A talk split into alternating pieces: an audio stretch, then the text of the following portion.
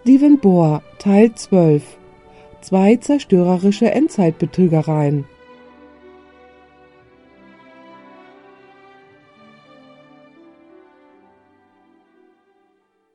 Lasst uns beten. Lieber Vater im Himmel, wenn wir nun diesen wichtigen Vortrag betrachten werden, bitten wir dich um die Führung deines Heiligen Geistes. Gib uns einen klaren Verstand, Herr, und zarte Herzen, um das zu empfangen, was du für uns bereitet hast. Hilf uns alle vorgefassten Meinungen beiseite zu legen und hilf uns, deine Stimme und nur deine Stimme zu hören. Wir bitten dies im wertvollen Namen Jesu, deines geliebten Sohnes. Amen. Wir werden nun zwei zerstörerische Endzeitbetrügereien studieren, die fast die ganze Welt gefangen genommen haben. Und wenn ich die ganze Welt sage, dann spreche ich nicht nur von weltlichen Menschen, sondern auch von der religiösen Welt. Die meisten Religionen der Welt haben diese zwei zerstörerischen Irrtümer angenommen und lehren sie, die Satan vorbereitet hat, um die ganze Welt am Ende der Zeit zu betrügen. Diese zwei Irrtümer sind sehr eng miteinander verwandt. Es sind zwei getrennte Irrtümer, aber sie sind nicht unabhängig. Sie sind miteinander verflochten. Das bedeutet, wenn man einem der Irrtümer glaubt, dann wird man automatisch auch dem anderen glauben, eben weil sie so eng verbunden sind. Und wenn man den einen lehrt, dann wird man automatisch auch den anderen lehren. Lasst uns nun unser Studium in Römer 3, Vers 20 beginnen. Und der Punkt, den ich hier unterstreichen möchte, ist, wenn wir diesen Vers lesen, dass, wenn es kein Gesetz geben würde, es keine Sünde geben könnte. Das ist der erste Punkt. Wir werden in unserem Studium einer sehr logischen Reihenfolge nachgehen. Lasst euch also nicht ablenken. Schlaft auch nicht ein. Denn wenn ihr für ein paar Minuten eindöst, dann werdet ihr den ganzen Faden von dem verlieren, was wir studieren. Mein erster Punkt ist, wenn es kein Gesetz geben würde, es keine Sünde geben könnte. Geht mit mir zu Römer 3, Vers 20. Der Apostel Paulus sagt, Darum, dass kein Fleisch durch des Gesetzes Werke vor ihm gerecht sein kann, denn durch das Gesetz kommt Erkenntnis der Sünde. Wie wissen wir, was Sünde ist? Durch das Gesetz. Durch das Gesetz kommt Erkenntnis der Sünde. So, wenn wir also das Gesetz nicht hätten, dann hätten wir keine Kenntnis der Sünde. Geht mit mir jetzt zu Römer 4, Vers 15. Hier finden wir den gleichen Grundgedanken, aber mit anderen Worten. Der Apostel Paulus schreibt wieder und er sagt, Sintemal das Gesetz nur Zorn anrichtet. Und manche Leute sagen, Seht, das Gesetz ist schlecht, weil es Zorn anrichtet. Aber Moment mal, warum richtet es Zorn an? Das Gesetz richtet Zorn an, weil wir was sind? Weil wir Sünder sind. Wenn wir keine Sünder wären, dann würde das Gesetz sagen, du bist in Ordnung. Das Gesetz richtet Zorn an, weil wir Sünder sind. So beachtet, wie es heißt. Sintemal das Gesetz nur Zorn anrichtet, denn wo das Gesetz nicht da ist, da ist auch keine Übertretung. Kann man ein Gesetz brechen, das es nicht gibt? Natürlich nicht. Wisst ihr, wenn ihr an eine Straßenkreuzung kommt und dort steht kein Stoppschild und ihr fahrt über die Kreuzung und ein Polizist hält euch an und will euch einen Strafzettel geben, dann könnt ihr dem Beamten sagen Hören Sie, Herr Wachtmeister, Sie können mir keinen Strafzettel geben, denn es gibt gar kein Stoppschild. Nur wenn es ein Stoppschild gibt und ich dieses Stoppschild missachte, dann hat der Polizist das Recht, mir einen Strafzettel zu geben, weil ich ja an dem Verkehrsschild nicht angehalten habe. Versteht ihr, was ich meine? So, mit anderen Worten, das Gesetz zeigt die Sünde auf. Wenn es kein Gesetz gibt, dann kann es keine Sünde geben. Lasst es mich nochmal anders veranschaulichen. Nehmen wir mal an, ihr seid in der Praxis von einem Facharzt für Tumorkrankheiten, weil ihr euch in letzter Zeit nicht so wohl gefühlt habt. Er untersucht euch sehr eingehend und sorgsam und macht einige Tests mit euch, und nachdem die Tests durch sind, sagt er Es tut mir leid, aber ich muss Ihnen mitteilen, dass Sie Krebs haben. Nun bete ich, dass das niemandem von euch hier je passiert. Das ist nur eine Veranschaulichung. Nun meine Frage.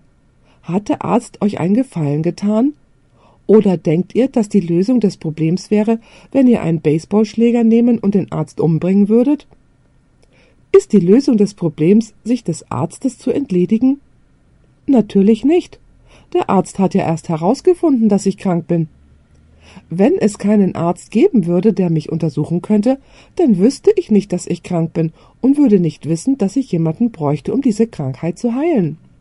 Versteht ihr, was ich sage? Mit anderen Worten, wo es kein Gesetz gibt, weiß ich nichts von der Sünde. Ich weiß nicht, dass ich krank bin, und daher werde ich auch nicht nach einer Lösung für die Sünde suchen.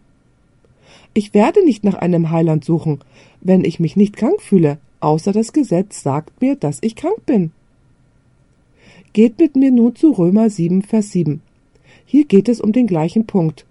Der Apostel Paulus benutzt dieses Beispiel von einem besonderen Gebot. Er sagt also, was wollen wir denn nun sagen? Ist das Gesetz Sünde? Das sei ferne.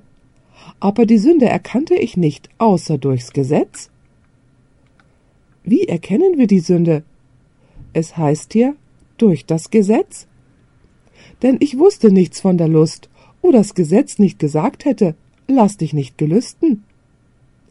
Wie würde ich wissen, dass Gelüsten falsch ist, wenn es kein Gesetz geben würde, das mir sagt, lass dich nicht gelüsten? Es ist das Gesetz, das mir zeigt, dass Lüsten falsch ist. Versteht ihr, was ich sage? So, wenn es also kein Gesetz gäbe, dann gäbe es auch keine Sünde, denn das Gesetz legt die Sünde fest und macht darauf aufmerksam. Ich möchte euch eine weitere Veranschaulichung geben, damit es ganz deutlich ist. Vor vielen, vielen Jahren war ich auf dem Seminar in Michigan. Ich hatte dort drei Jobs, um studieren zu können. Wisst ihr, Studenten müssen das tun. Und einer der Jobs war, dass ich in einer Möbelfirma gearbeitet habe. Diese Firma hieß College Wood Products, also College Holzverarbeitung und meine Aufgabe war es, nachdem die Arbeit getan war, den Schornstein zu reinigen. Wisst ihr, sie hatten dort diese Sprühmaschinen, mit denen sie die Möbel lackiert haben, und die überschüssige Farbe ist in den Schornstein abgesaugt worden, und so hat sich die Farbe dort drin am Schornstein als Staub angesammelt, und das war ziemlich viel. So musste ich am Ende jeden Tages im Schornstein mit einem Spachtel rauf und den Schornstein sauber machen. Ich erinnere mich, dass sie mir diesen grünen Mechanikeranzug gegeben haben, und so bin ich dann am ersten Tag die Stufen hoch. Dort waren Stufen bis hoch in die Mitte des Schornsteins, und ich habe all diese überschüssige Farbe abgekratzt. Ich hatte zwar eine Maske auf, aber der Staub ging überall rein. Als ich mit der Arbeit fertig war, stieg ich runter und ging nach Hause, und als ich an die Tür kam, klingelte ich, und meine Frau öffnete mir die Tür, und als sie mich an der Tür sah, war sie ganz erschrocken und fragte mich Was ist denn mit dir passiert? und ich fragte, was meinst du, was mit mir passiert ist? Ich habe den Schornstein gereinigt. Sie antwortete mir, Hast du dich schon mal im Spiegel angeschaut? Ich sagte, Nein, ich habe gar nicht dran gedacht. Ich habe den Schornstein sauber gemacht und bin dann gleich nach Hause. Sie sagte darauf, Du hättest dich mal vorher im Spiegel anschauen sollen. So bin ich ins Bad und habe in den Spiegel geschaut. Und das Einzige, was noch ohne Farbe an mir war, waren meine Augen und meine Zähne. So wie ich aussah, war ich dann den ganzen Weg von der College-Holzverarbeitung bis nach Hause gegangen. Und die Leute, die auf der Straße an mir vorbeigegangen sind, offenbar war ich ganz in Gedanken versunken, weil ich ihre Reaktion nicht gesehen habe, werden sich recht gewundert haben. Meine Frage nun an euch. Hätte ich gewusst, dass ich schmutzig war, wenn nicht durch den Spiegel? Eigentlich war es durch meine Frau. Ich hätte nicht gewusst, dass ich mein Gesicht hätte waschen müssen. Meine Lieben, das ist das gleiche mit der Tatsache, dass ich nicht wüsste, dass ich ein Sünder oder krank bin und ich Heilung vom Krebs der Sünde benötige, außer das Gesetz würde mir sagen, dass ich ein Sünder bin. So viel zu denjenigen, die sagen, dass das Gesetz ans Kreuz genagelt worden ist. Wenn das Gesetz ans Kreuz genagelt worden wäre, dann könnte es keine Sünde geben. Denn wenn es kein Gesetz gibt, dann gibt es auch keine Sünde. Versteht ihr mich? Das ist der erste Punkt. Lasst uns nun zum zweiten Punkt gehen. Wenn es keine Sünde gibt, weil es kein Gesetz gibt, dann kann es keinen Tod geben. Lasst uns nun lesen, was die Bibel sagt. Geht mit mir zu Römer 5, Vers 12. Hier sagt der Apostel Paulus folgendes. Der halben, wie durch einen Menschen die Sünde ist gekommen in die Welt und der Tod durch die Sünde, ist also der Tod zu allen Menschen durchgedrungen, dieweil sie alle gesündigt haben. Was sagt dieser Text? Der Tod ist durch die Sünde gekommen. So sagt dir das Gesetz, dass du ein Sünder bist. Und was kommt als Ergebnis der Sünde? Der Tod. Geht mit mir nun zu Römer 6, Vers 23. Der Apostel Paulus schrieb dies unter Eingebung des Heiligen Geistes. Denn der Tod ist der Sünde Sold. So, im Grunde genommen ist es so, wenn es kein Gesetz gibt, dann gibt es keine Sünde. Wenn es keine Sünde gibt, dann kann es auch was nicht geben? Keinen Tod. Denn der Tod ist der Lohn der Sünde. Schlagt mit mir Jakobus 1, Vers 15 auf. Hier finden wir das gleiche Prinzip, dass wenn es keine Sünde gibt, es keinen Tod geben kann. Hier sagt Jakobus, der Bruder unseres Herrn, danach, wenn die Lust empfangen hat. Lust bedeutet Begehren, böses Begehren. Es ist nicht irgendeine Art von Begehren. Danach, wenn die Lust empfangen hat, gebiert sie die Sünde. Die Sünde aber wenn sie vollendet ist, gebiert sie den Tod. Was bringt also die Sünde? Sie bringt den Tod. Und durch was wird die Sünde offenbart? Durch das Gesetz. So, was haben wir bisher gesehen? Wenn es kein Gesetz gibt, gibt es keine Sünde. Wenn es keine Sünde gibt, dann kann es was nicht geben? Keinen Tod. Nun, wenn es keine Sünde gibt, und es daher keinen Tod gibt, das muss dann also bedeuten, dass ich was bin? Dass ich unsterblich bin. Ihr folgt mir, nicht wahr? Ja? Ihr seid ziemlich leise. Nun, lasst uns das nochmal wiederholen. Es ist sehr wichtig. Wenn es kein Gesetz gibt und es daher keine Sünde gibt, dann gibt es auch keinen Tod und dann muss ich unsterblich sein. Ist das nicht eine logische Schlussfolgerung? Man muss dafür nicht die Weisheit von Albert Einstein haben oder so klug sein wie König Salomo, um das herauszufinden. Es ist eine logische Schlussfolgerung. Nun, wer ist gemäß der Bibel der Einzige, der unsterblich ist? Lasst uns anschauen, was das Neue Testament dazu zu sagen hat. Geht mit mir zu 1. Timotheus 6, es gibt nur einen, der gemäß der Bibel unsterblich ist, und das ist Gott. Und in diesem Fall ist die Rede auch von Jesus Christus, aber natürlich ist Gott einer in drei Personen. Was also über Christus gesagt ist, kann über den Vater und über den Heiligen Geist gesagt werden, weil sie drei sind, aber doch eins. Nun zu 1. Timotheus 6, Verse 14 bis 16. Es heißt hier, dass du haltest das Gebot ohne Flecken, untadelig, bis auf die Erscheinung unseres Herrn Jesu Christi, welche wird zeigen zu seiner Zeit der selige und allein Gewaltige, der König aller Könige und Herr aller Herren, der allein Unsterblichkeit hat, der da wohnt in einem Licht, da niemand zukommen kann, welchen kein Mensch gesehen hat, noch sehen kann. Dem sei Ehre und ewiges Reich. Amen. Es heißt also, dass nur Gott allein Unsterblichkeit besitzt. Meine Frage an euch. Welchen Teil von allein versteht ihr nicht? Allein bedeutet was? Es bedeutet, dass er der Einzige ist, der unsterblich ist. Gemäß der Schrift ist also Gott der Einzige, der unsterblich ist. Lasst uns einen weiteren Text lesen. 1. Timotheus 1, Vers 17. Hier sagt der Apostel Paulus folgendes. Aber Gott, dem ewigen König, dem unvergänglichen und unsichtbaren und allein Weisen, sei Ehre und Preis in Ewigkeit. Amen. Wer ist laut des Neuen Testaments der Einzige, der Unsterblichkeit besitzt? Der einzige Unsterbliche ist Gott. Lasst uns wiederholen, was wir studiert haben. Wenn es kein Gesetz gibt, gibt es keine Sünde. Wenn es keine Sünde gibt, gibt es keinen Tod. Und wenn es keinen Tod gibt, dann bin ich unsterblich. Aber nur Gott ist unsterblich. Nun, was ist die zwangsläufige Schlussfolgerung?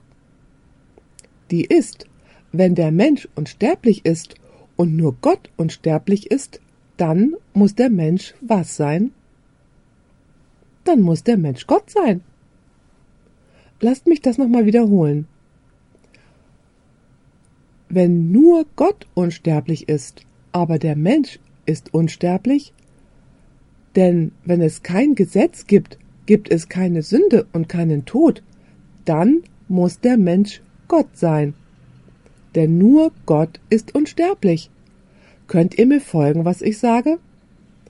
Mit anderen Worten, hier gibt es zwei Lehren, die zu zwei gewaltigen Irrtümern in der Endzeit führen.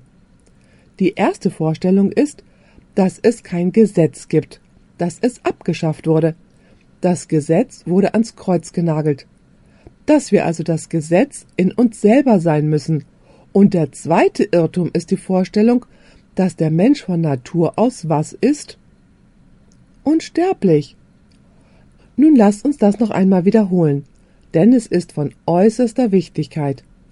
Wenn es kein Gesetz gibt, gibt es keine Sünde. Wenn es keine Sünde gibt, gibt es keinen Tod. Wenn es keinen Tod gibt, bin ich unsterblich. Wenn ich unsterblich bin und nur Gott unsterblich ist, dann muss ich Gott sein. Nun möchte ich euch fragen, woher kommen diese zwei Vorstellungen? Wo begannen sie? Dass man sich nicht um Gottes Gesetz Sorgen machen muss, und dass man unsterblich ist. Lasst uns nun zurück zu 1. Mose gehen. 1. Mose 3, Verse 4 und 5. Es heißt hier, Und die Schlange war listiger denn alle Tiere auf dem Felde, die Gott der Herr gemacht hatte, und sprach zu dem Weibe, Ja, sollte Gott gesagt haben, ihr sollt nicht essen von den Früchten der Bäume im Garten? Da sprach das Weib zu der Schlange, Wir essen von den Früchten der Bäume im Garten, aber von den Früchten des Baumes mitten im Garten hat Gott gesagt, esst nicht davon, rührt's auch nicht an, dass ihr nicht sterbt. Und nun beachtet Vers 4. Da sprach die Schlange zum Weibe, Ihr werdet mitnichten des Todes sterben. Was erzählt die Schlange hier Eva? Wenn sie nicht sterben wird, was muss sie dann sein? Gemäß dem, was hier steht, muss sie unsterblich sein. So, mit anderen Worten sagt Satan zu ihr, Du wirst nicht sterben. Gott lügt. Du bist unsterblich. Aber nun möchte ich, dass ihr beachtet, was Vers 5 sagt. Sondern Gott weiß, dass welches Tages ihr davon esst, so werden eure Augen aufgetan. Beachtet, was die Schlange hier sagt. So werden eure Augen aufgetan und ihr werdet sein wie Gott und wissen, was gut und böse ist. Lass uns diesen Vers nun mal anschauen. Ich habe ihn vorherig schon behandelt, aber ich möchte, dass dieser Vers absolut deutlich ist. Meine Frage an euch ist, hatte der Teufel recht, als er zu der Frau, Frau sagte, ja? Hatte der Teufel recht, als er zu der Frau sagte, sondern Gott weiß, dass welches Tages ihr davon esst, so werden eure Augen aufgetan und werdet sein wie Gott und wissen, was gut und böse ist. Hatte der Teufel recht? Hatte er? Nun frage ich euch, wer ist der absolute Schiedsrichter über Gut und Böse? Wer legt fest, was Gut und Böse ist? Gott macht das Und welches Dokument hat Gott uns gegeben, um zu zeigen, was gut und böse ist? Welches? Seine zehn Gebote. Würdet ihr sagen, dass die zehn Gebote festlegen, was gut und böse ist? Ist der Mensch mit dem Gesetz dahergekommen oder hat Gott es gegeben? Gott hat es getan. So, wer ist derjenige, der festlegt, was gut und böse ist? Es ist Gott, nicht der Mensch. Gott hat zu Adam und Eva gesagt, es ist in Ordnung, wenn ihr von all diesen Bäumen esst, außer von diesem einen. Und wir haben bereits gesehen, dass in diesem einen Gebot alle anderen der zehn Gebote drinstecken. In ihrem Prinzip sind alle zehn Gebote dort drin. So ist es Gott, der in dem Garten festlegt, was gut und böse ist. Und was sagt nun Satan zu der Frau? Er sagt, Hey, hör mal, du denkst, wenn du von dem Baum isst, dass du sterben wirst? Aber lass mich dir erzählen, was hier wirklich vor sich geht. Gott weiß, wenn du von diesem Baum isst, dass du genauso wie er sein wirst, und du wirst die Fähigkeit haben, gut und böse zu bestimmen, ohne dass du von Gottes Auslegung, was gut und böse ist, abhängig bist. Gott hat euch eingeschüchtert. Er sagte, dass ihr nicht von dem Baum essen sollt, weil ihr sterben werdet. Aber das ist nur, um euch Angst zu machen, damit ihr nicht davon esst. Denn er weiß, wenn ihr davon esst, dann werden noch andere Götter herumlaufen, und er will der einzige Gott sein. Versteht ihr, was ich sage? Das ist es, was der Teufel in Wirklichkeit sagt. Er sagte zu ihr, wenn du von dem Baum isst, dann wirst du nicht nur Gott sein, sondern du kannst auch festlegen, was gut und böse ist, ohne dass du von der Auslegung Gottes abhängig bist. Ich möchte euch was fragen. Greift der Teufel das Gesetz Gottes an? Sachlich gesehen das äußerliche Gesetz. Das tut er ganz bestimmt. Er sagt, Ihr braucht Gottes Standart von richtig und falsch nicht anzunehmen. Wenn ihr erst einmal Gott seid, dann könnt ihr euren eigenen Standard davon festlegen. So stecken in diesen zwei Versen nun zwei Gedanken drin. Die sind, ihr werdet nicht sterben und ihr könnt eure eigene Quelle der moralischen Entscheidungen sein. Wenn ihr Gott seid, dann könnt ihr selber festlegen, was richtig und falsch ist. Dies ist ein Angriff auf das Gesetz. Und nebst dem, dass er ihr sagte, dass sie nicht sterben würden, wären sie auch noch was? Unsterblich. Seht ihr, wie diese zwei Gedanken eng miteinander verwoben sind? Wenn ihr dem einen glaubt, dann werdet ihr auch dem anderen glauben. Diese zwei Gedanken hatten ihren Ursprung bei Satan im Garten Eden. Es war die Absicht, Gottes sachliches Gesetz loszuwerden. Gottes Festlegung, was richtig und falsch ist. Satan drückte damit im Grunde genommen aus, ihr könnt für euch selber wählen, was richtig und falsch ist. Ihr seid alt genug. Ihr seid weise genug. Ihr seid reif genug zu entscheiden, was gut und böse ist. Ohne dass es euch jemand sagen muss. Ohne dass das Gesetz euch sagt, was richtig und was falsch ist. Ihr müsst nur in euch selbst hineinhorchen und ihr werdet wissen, was richtig und falsch ist. Ihr werdet nicht sterben. Und so beachtet, was wir hier haben. Wenn es kein Gesetz gibt, gibt es keine Sünde. Und wenn es keine Sünde gibt, gibt es keinen Tod. Wenn es keinen Tod gibt, dann bin ich unsterblich. Und wenn ich unsterblich bin, dann muss ich Gott sein. Denn nur Gott ist unsterblich. Zwei große Irrtümer, die der Teufel der Eva im Garten Eden als Wahrheit verkauft hat. Lass uns nun zurück zu 1. Mose gehen und die Reihenfolge der Ereignisse studieren, die zu der Sünde und zu der Folge der Sünde von Adam und Eva geführt haben. 1. Mose 2, Verse 15 bis 17. Es heißt hier, Und Gott der Herr nahm den Menschen und setzte ihn in den Garten Eden, dass er ihn baute und bewahrte. Und Gott der Herr gebot dem Menschen und sprach, Du sollst essen von allerlei Bäumen im Garten. Anders ausgedrückt, es ist in Ordnung, wenn ihr von allen Bäumen im Garten esst. Aber von dem Baum der Erkenntnis des Guten und des Bösen sollst du nicht essen, denn welches Tages du davon isst, wirst du des Todes sterben. Was hat Gott gesagt? Hat Gott das Gesetz gegeben? War dieses Gesetz außerhalb des Menschen? Hat Gott die Grundregeln festgelegt? Ja, und wie wir bereits studiert haben, beinhaltete dieses Gesetz alle zehn Gebote, denn als Eva sündigte, begehrte sie. Sie hat Gottes Frucht gestohlen. Sie hat ihren himmlischen Vater entehrt. Sie hat sich einen anderen geistlichen Liebhaber erwählt. Sie hat geistlichen Ehebruch begangen. Sie hat den Tod in diese Welt gebracht. Mit anderen Worten, sie hat getötet. Alle diese Gebote sind von ihr gebrochen worden, als sie dieses eine Gebot brach. Nun frage ich euch, als Adam und Eva anschließend die zehn Gebote gebrochen haben, war das Sünde? War das, was sie getan haben, Sünde? Lasst uns Römer 5, Vers 12 lesen. Hier sagt der Apostel Paulus, inspiriert durch den Heiligen Geist, folgendes. Der halben, wie durch einen Menschen, die Sünde ist gekommen in die Welt und der Tod durch die Sünde. Frage an euch. Ist die Sünde durch einen Menschen in die Welt gekommen? Ja oder nein? Wer war dieser Mensch? Das war Adam. Nun, um zu sündigen, muss es da ein Gesetz gegeben haben, das gebrochen werden konnte? Könnt ihr mir folgen? Hat Adam gesündigt?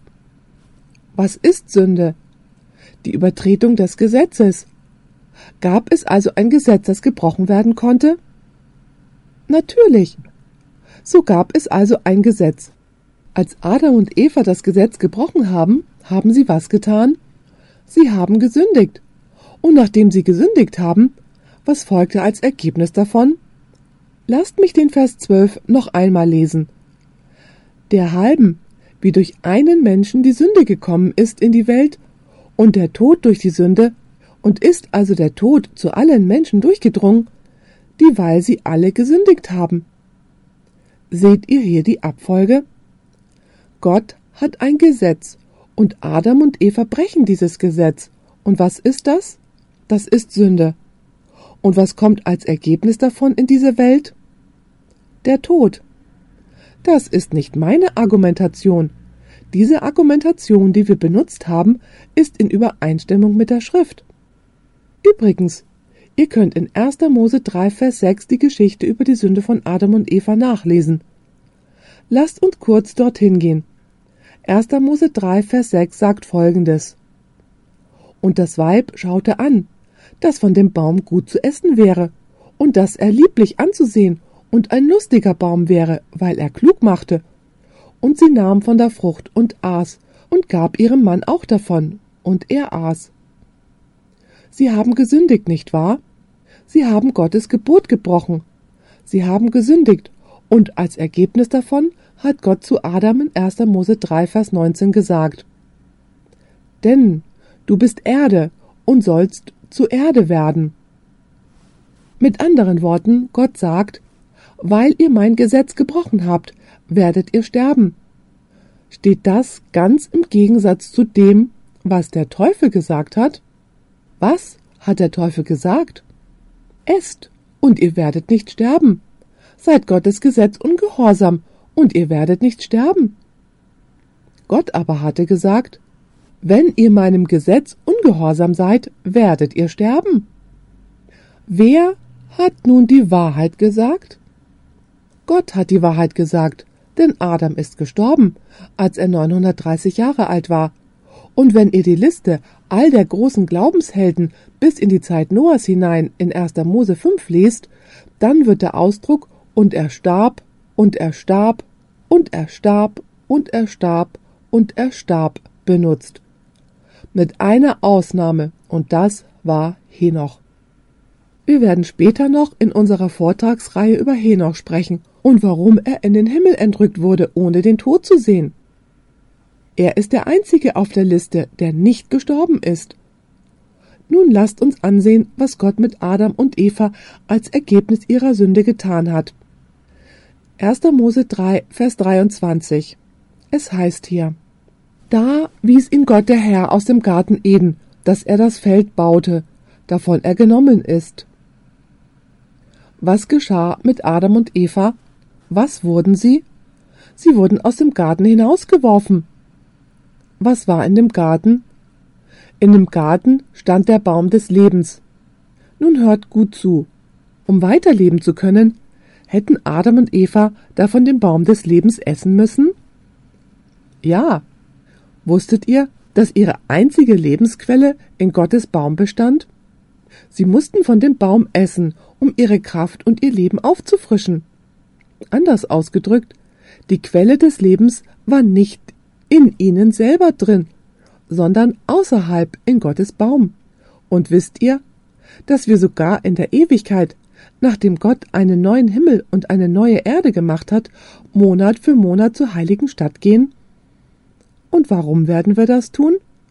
Um von dem Baum des Lebens zu essen. Sogar in der Ewigkeit wird die Quelle des Lebens nicht in uns selber sein, sondern wo? Sie wird außerhalb sein, in Gottes Baum. Mit anderen Worten, Gott hat einen Baum, der dem Zweck eines Batterieladegerätes ähnelt, wenn man das so sagen kann. So mussten also Adam und Eva hingehen, um ihre Batterien aufzuladen. Solange, wie sie Gott gehorsam waren, hatten sie den Zugang zum Baum des Lebens. Aber was geschah nun aufgrund ihrer Sünde? Sie wurden aus dem Garten Eden hinausgeworfen, und somit konnten sie nicht länger wovon essen? Vom Baum des Lebens, weil sie Gottes Gebot ungehorsam gewesen sind. Lasst uns Vers 24 lesen. Es heißt hier, und trieb Adam aus und lagerte vor den Garten Eden die Cherubim mit dem bloßen hauenden Schwert, zu bewahren den Weg zu dem Baum des Lebens. Es gab keinerlei Zugang mehr zum Baum des Lebens. Und seht, wen hat Gott am Eingang des Gartens platziert? Das waren Cherubim. Was sind Cherubim? Das sind Engel. Seht ihr das jetzt? Sie haben Gottes Gesetz gebrochen. Sie haben gesündigt. Gott hat sie aus dem Garten verwiesen, damit sie nicht mehr von dem Baum des Lebens essen konnten. Und dann wurden Engel an dem Eingang platziert. Folgt ihr mir? Zwei Dinge folgten als Ergebnis. Zuerst einmal der Fluch. Seht nun, was wir in 1. Mose 3, Vers 17 finden.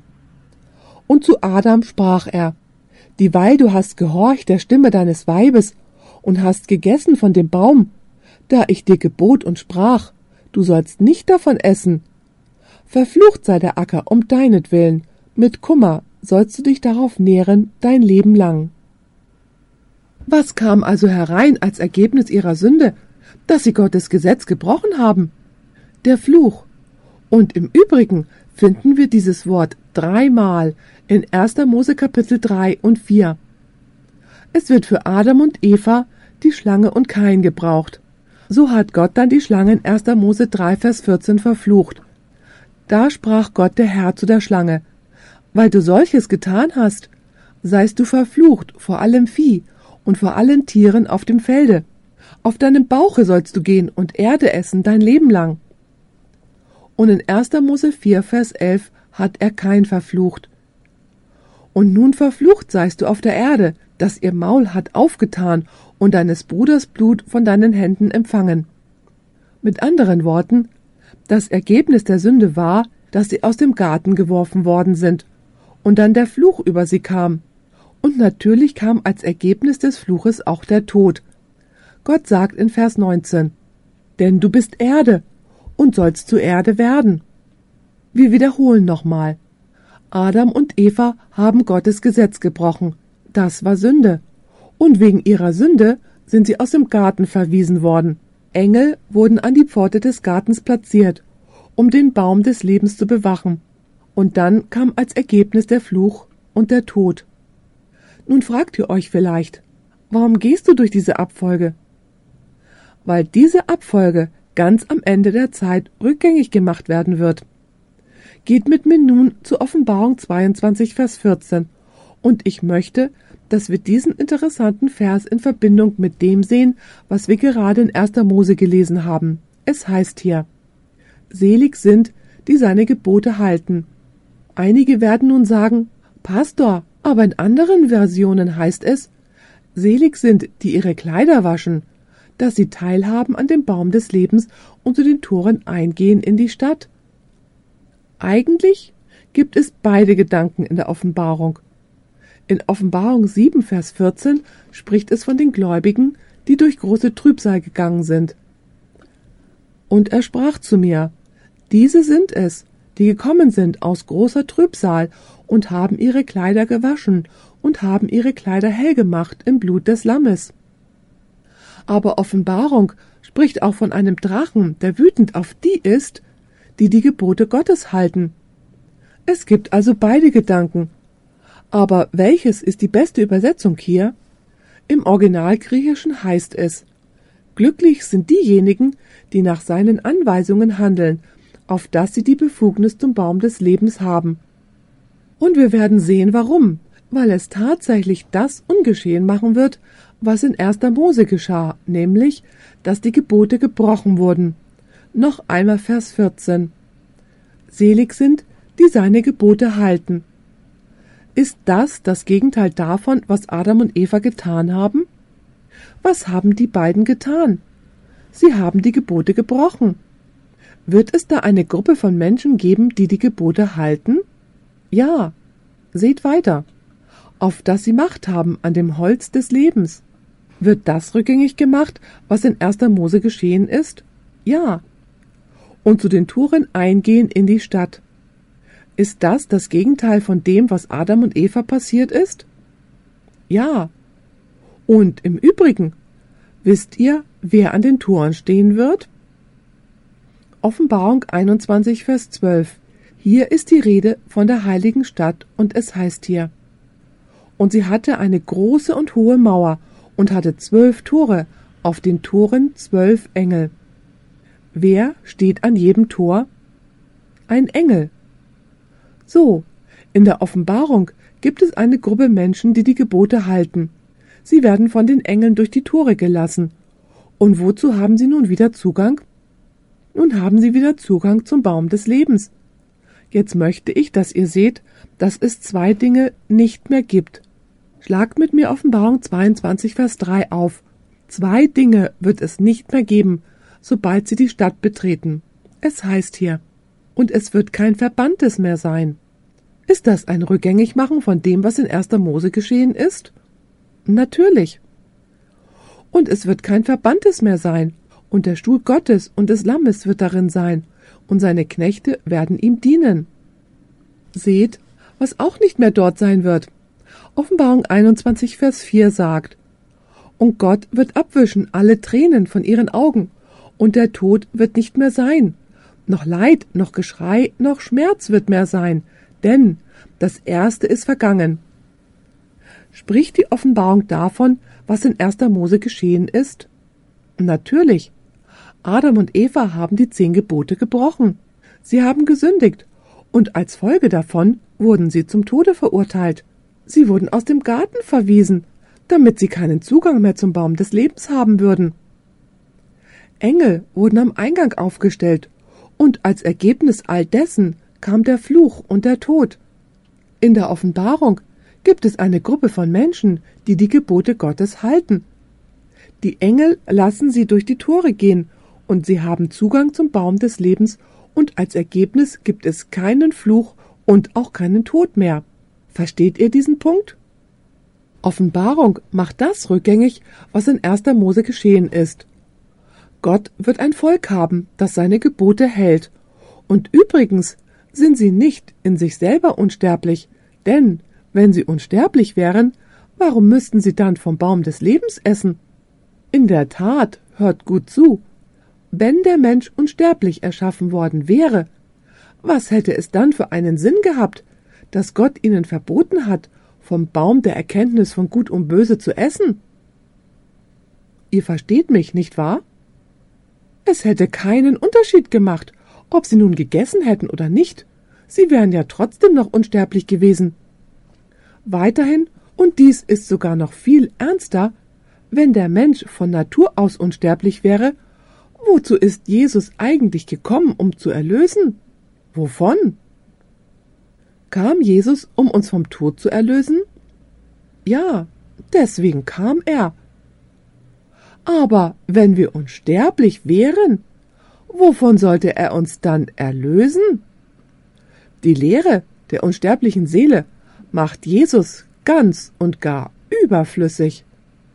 Und sie macht auch den Rauswurf von Adam und Eva aus dem Garten unnötig. Versteht ihr meinen Punkt? Das ist ein Punkt von entscheidender Bedeutung.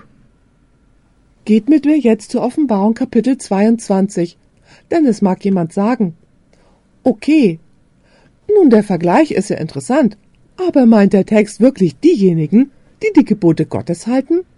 Übrigens, wenn Gott ein Volk hat, das die Gebote am Ende der Zeit halten wird, dann gehe ich schwer davon aus, dass sie nicht ans Kreuz genagelt worden sind. Oder? Warum würde Gott sagen, dass er ein Volk hat, das die Gebote halten wird, wenn das Gesetz abgeschafft worden ist, als Jesus am Kreuz starb? Oder erwartet er nicht mehr von den Christen, dass sie das Gesetz, die zehn Gebote, noch weiterhalten? Wisst ihr, was das Problem ist? Und ich werde jetzt schonungslos ehrlich sein. Die Menschen wollten den Sabbat loswerden, und ich kann mir das nicht erklären. Ich weiß nicht warum, denn es ist ein so schöner Tag, 24 Stunden in Gemeinschaft mit Christus. Wenn man sie fragt, oh, dann könnt ihr ja die Ehe brechen, oder? Kommt die Antwort, nein, nein, nein. Dann könnt ihr stehlen. Nein, nein, nein. Dann könnt ihr begehren. Nein, nein, nein. Dann könnt ihr Götzen anbeten. Nein, niemals. Dann könnt ihr einen Mord begehen. Nein, nein, nein. Dann könnt ihr falsch Zeugnis gegen euer Nächsten reden. Nein, auf keinen Fall. Dann könnt ihr den Sabbat brechen. Ja, nun, meine Lieben, lasst uns durchgängig gleich bleiben. Ich weiß, es gibt Prediger dort draußen, die lehren, dass der Sabbat abgeschafft wurde. Aber die Bibel lehrt das ganz und gar nicht.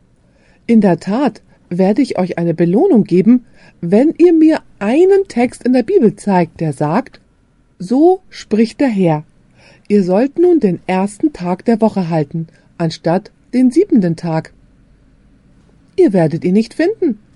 Die Leute sagen, wir halten den Sonntag, weil wir die Auferstehung Jesu ehren wollen. Es gibt keinen Text in der Bibel, der aussagt, dass man den Sonntag halten soll, um die Auferstehung Jesu zu ehren. In der Tat sagt die Bibel, dass es die Taufe ist, die uns den Tod und die Auferstehung Jesu gedenken lassen soll. Es ist die Taufe, nicht der Sonntag. Dies ist nur eine Vermutung, eine Idee, die durch die Tradition in die christliche Gemeinde hineingekommen ist. Lasst uns nun Offenbarung 22, Verse 14 und 15 lesen. Selig sind, die seine Gebote halten, auf dass sie die Macht haben an dem Holz des Lebens und zu den Toren eingehen in die Stadt. Denn, was sagt das Wort denn aus? Es gibt eine Gruppe, die steht ganz im Gegensatz zu denen, die hineingehen und die die Gebote halten. Denn draußen sind die Hunde und die Zauberer. Was beinhaltet das Wort denn? Dass die Gruppe der Menschen, die zu den Toren der Stadt eingehen wird, im großen Gegensatz zu den anderen steht, die nicht eingehen. Denn die eingehen, halten die Gebote. Übrigens, Zauberer brechen das Gebot. Du sollst keine anderen Götter neben mir haben, weil Zauberer vorgeben, die Realität zu erschaffen. Denn draußen sind die Hunde und die Zauberer und die Hurer. Andere Übersetzungen sagen unzüchtige, sexuell Zügellose. Was steht da noch? Und die Totschläger und die Abgöttischen und alle, die lieb haben und tun die Lüge. Meine Frage an euch. Sind dies alles Verletzungen der zehn Gebote? Wie steht es da mit Götzenanbetern und Menschen, die heiligen Figuren anbeten? Das zweite Gebot. Du sollst dir kein Bildnis noch irgendein Gleichnis machen, weder des, das oben im Himmel, noch des, das unten auf Erden, oder des, das im Wasser unter der Erde ist. Bete sie nicht an und diene ihnen nicht. Welches Gebot bezieht sich auf die Mörder? Das sechste Gebot, du sollst nicht töten. Welches Gebot bezieht sich auf die Unzüchtigen und Ehebrecher? Das siebte Gebot, du sollst nicht Ehe brechen. Wie steht es mit jemandem, der stiehlt oder einen Raub begeht? Das achte Gebot, du sollst nicht stehlen. Wie steht es mit jemandem, der gerne lügt und die Lüge ausübt? Das neunte Gebot, du sollst kein falsch Zeugnis reden wider deinen Nächsten. Das sind all diejenigen, die außerhalb der Stadt sein werden. Es sind all diejenigen, die die Gebote gebrochen haben. Und wer sind diejenigen innerhalb der Stadt? Was haben sie getan? Sie haben die Gebote gehalten. Ist euch das klar geworden? Hebt eure Hand, wenn euch das klar ist. Ich meine, es steht hier in der Schrift. Nun, sagt Pastor Bohr damit, dass Gott uns in die Stadt hineinlässt, weil wir seine Gebote halten? Wir haben dann ja unseren Eintritt in die Stadt verdient. Nein, keineswegs. Was sage ich also damit? Hört zu. Das Einzige, was uns Zugang zu der heiligen Stadt gibt, ist die Tatsache, dass Jesus den Fluch für unsere Sünden getragen hat. Erinnert ihr euch an 1. Mose 3, Vers 21, wo es heißt, dass Adam und Eva nackt waren? Sie waren mit Feigenblättern bedeckt, aber sie haben sich noch nackt gefühlt. Was geschah im Garten Eden? Tiere wurden getötet. Was haben diese Tiere versinnbildlicht? Sie haben den Tod Jesu versinnbildlicht, um die Schande ihrer Blöße zu bedecken. Natürlich stellt Nacktheit den Zustand der Sünde dar. Mit anderen Worten, das Einzige, was Adam und Eva erlauben würde, wieder Zugang zur Gegenwart Gottes zu haben, war, dass sie mit dem Fell des Lammes, das getötet worden ist, was den Tod des Lammes Gottes versinnbildlicht, das die Sünden der Welt wegnimmt, bekleidet sind. Wie es in Galater 3, Vers 13 heißt, Christus aber hat uns erlöst von dem Fluch des Gesetzes. Warum verflucht uns das Gesetz? Weil wir Sünder sind. Seht, das Gesetz ist nicht schlecht, nur weil es uns verflucht. Es heißt, dass Christus uns von dem Fluch des Gesetzes erlöst. Und wie hat er es getan? Es heißt weiter in Vers 13. Da erwart ein Fluch für uns. Anders ausgedrückt, Jesus hat die Sünde auf sich selber genommen. Er wurde vom Vater an unserer Stelle verflucht. Er starb am Kreuz und hat die Strafe für meine Sünden bezahlt. Und wenn ich zu Jesus komme und sehe, was die Sünde mit ihm gemacht hat, dann sage ich, Herr Jesus, warum ist das mit dir passiert? Warum musstest du ausrufen, Mein Gott, mein Gott, warum hast du mich verlassen? Warum hast du nur Blutstropfen geschwitzt? Warum hattest du den Kelch in deiner zitternden Hand? Warum hast du gesagt, mein Vater, mein Vater, ist's unmöglich, so gehe dieser Kelch von mir? Der Kelch, der mit Gottes Zorn gefüllt war, warum hast du das gesagt? Warum hast du das alles durchgemacht?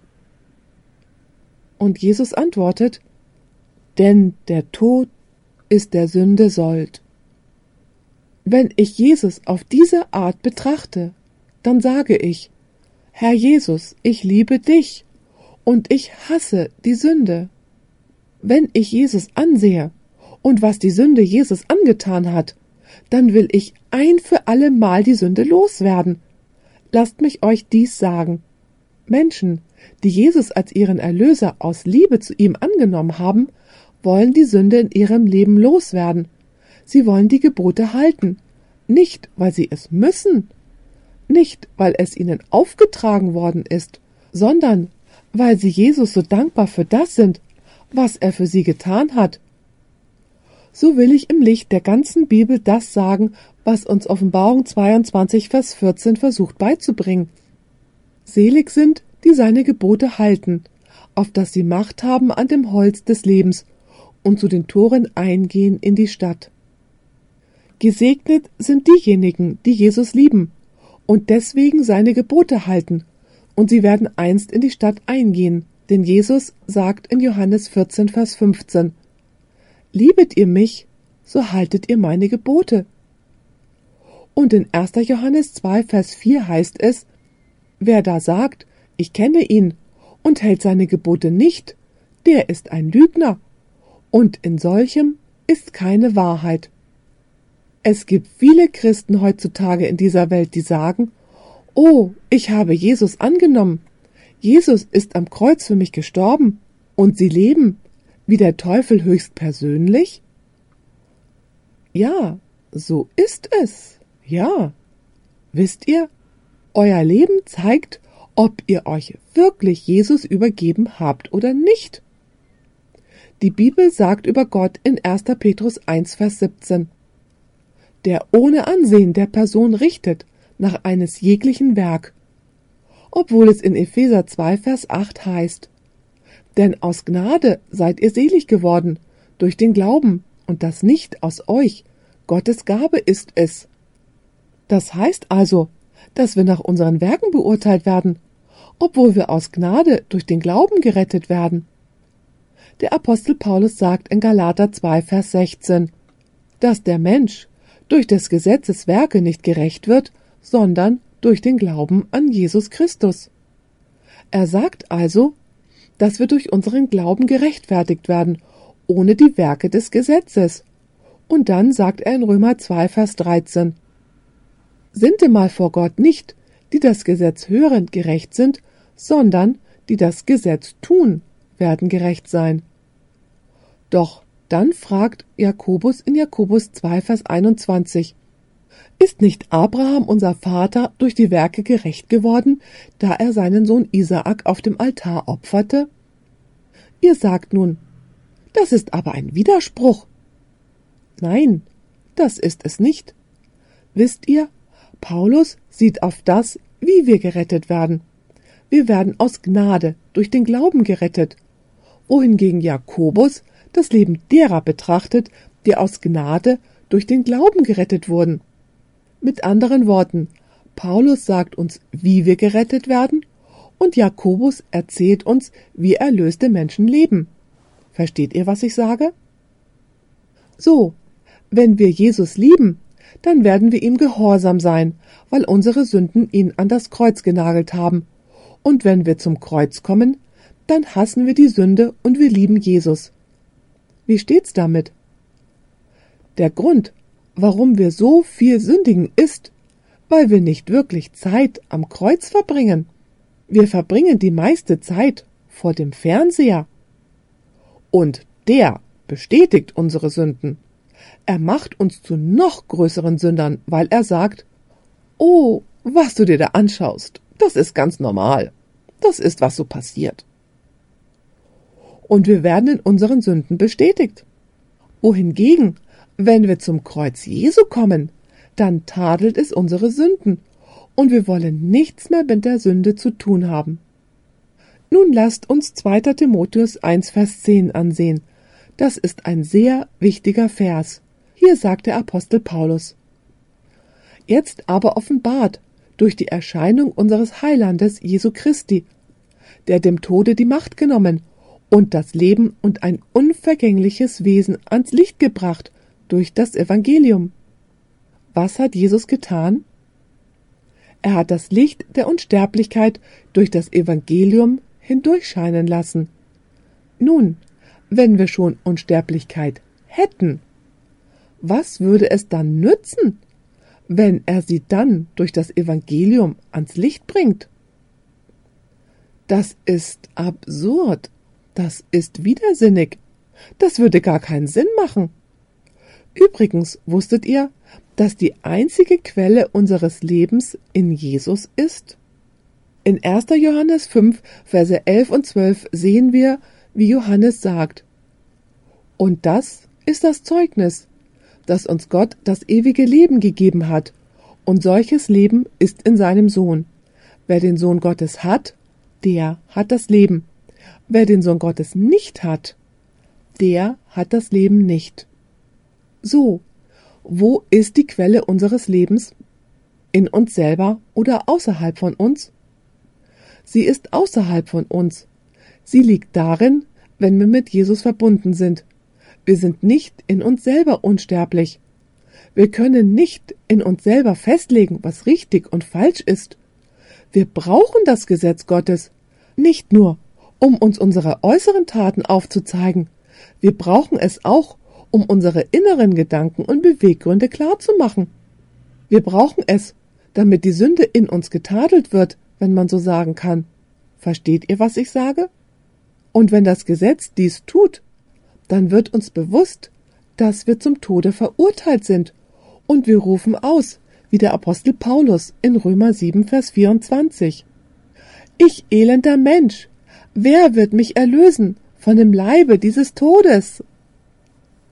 Und die Antwort kommt. Sieh auf den Herrn Jesus. Er hat deinen Tod getragen. Er hat deinen Tod wegen deiner Sünden auf sich genommen. Und daher wird das Gesetz hochgehalten und auch das ewige Leben hängt einzig und allein von Jesus Christus ab. Nun möchte ich gerne die Beziehung ganz und gar deutlich machen, die zwischen dem Halten des Gesetzes und der Gnade Gottes besteht.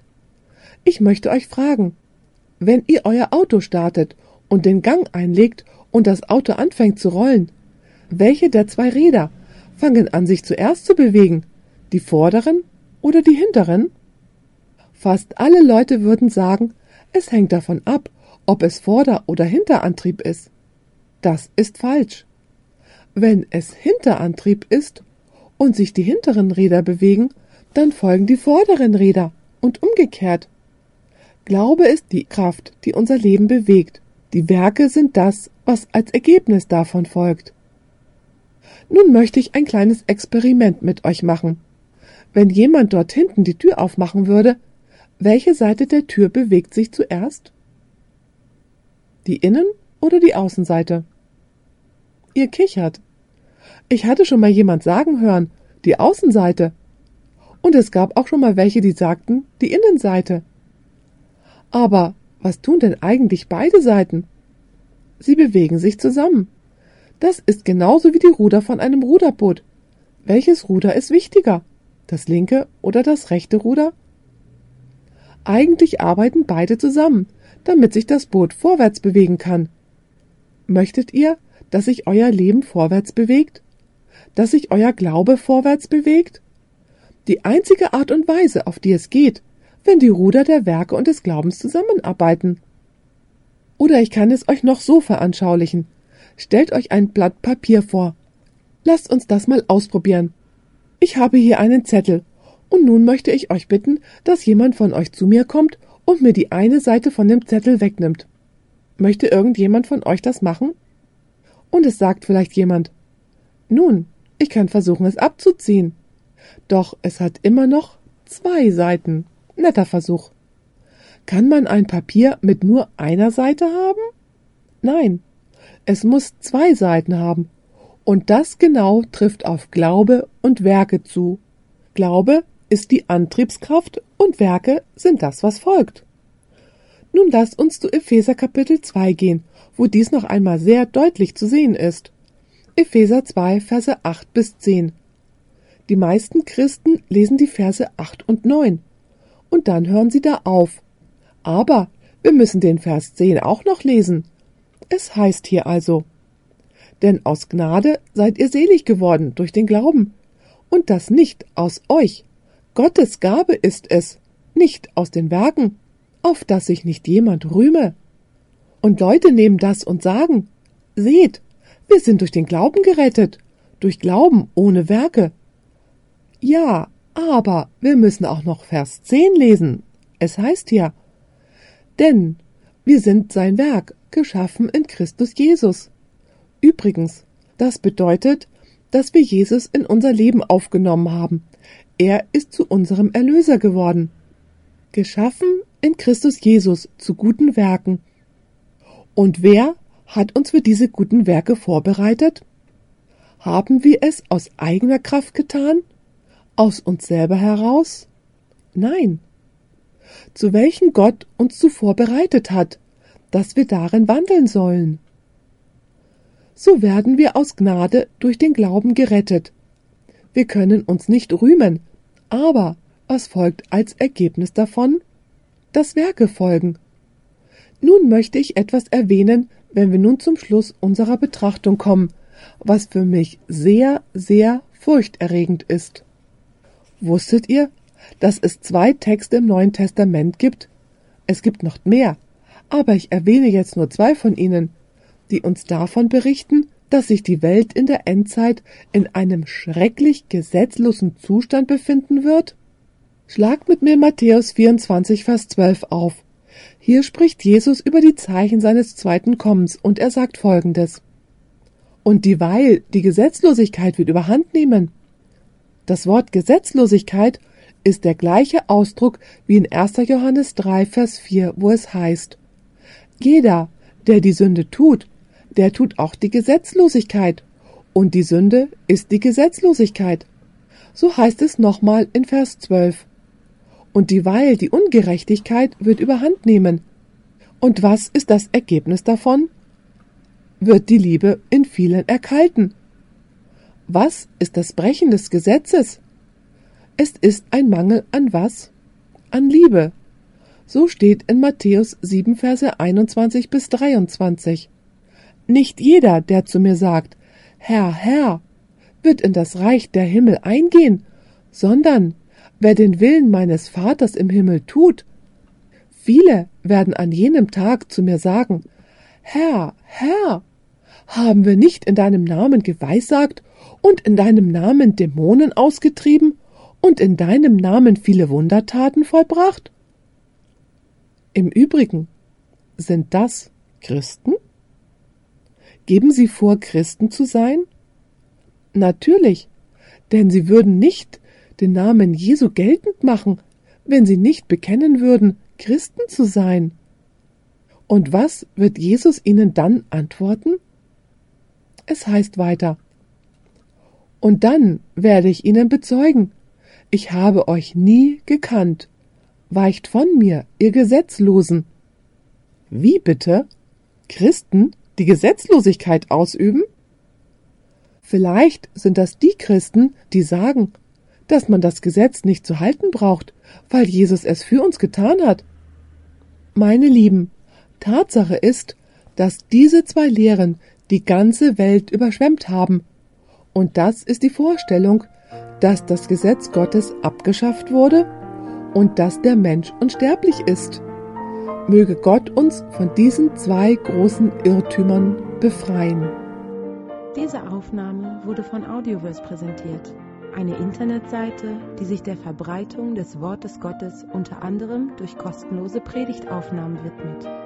Für mehr Informationen über Audioverse und für weitere Predigten empfehlen wir unsere Internetseite www.audioverse.org.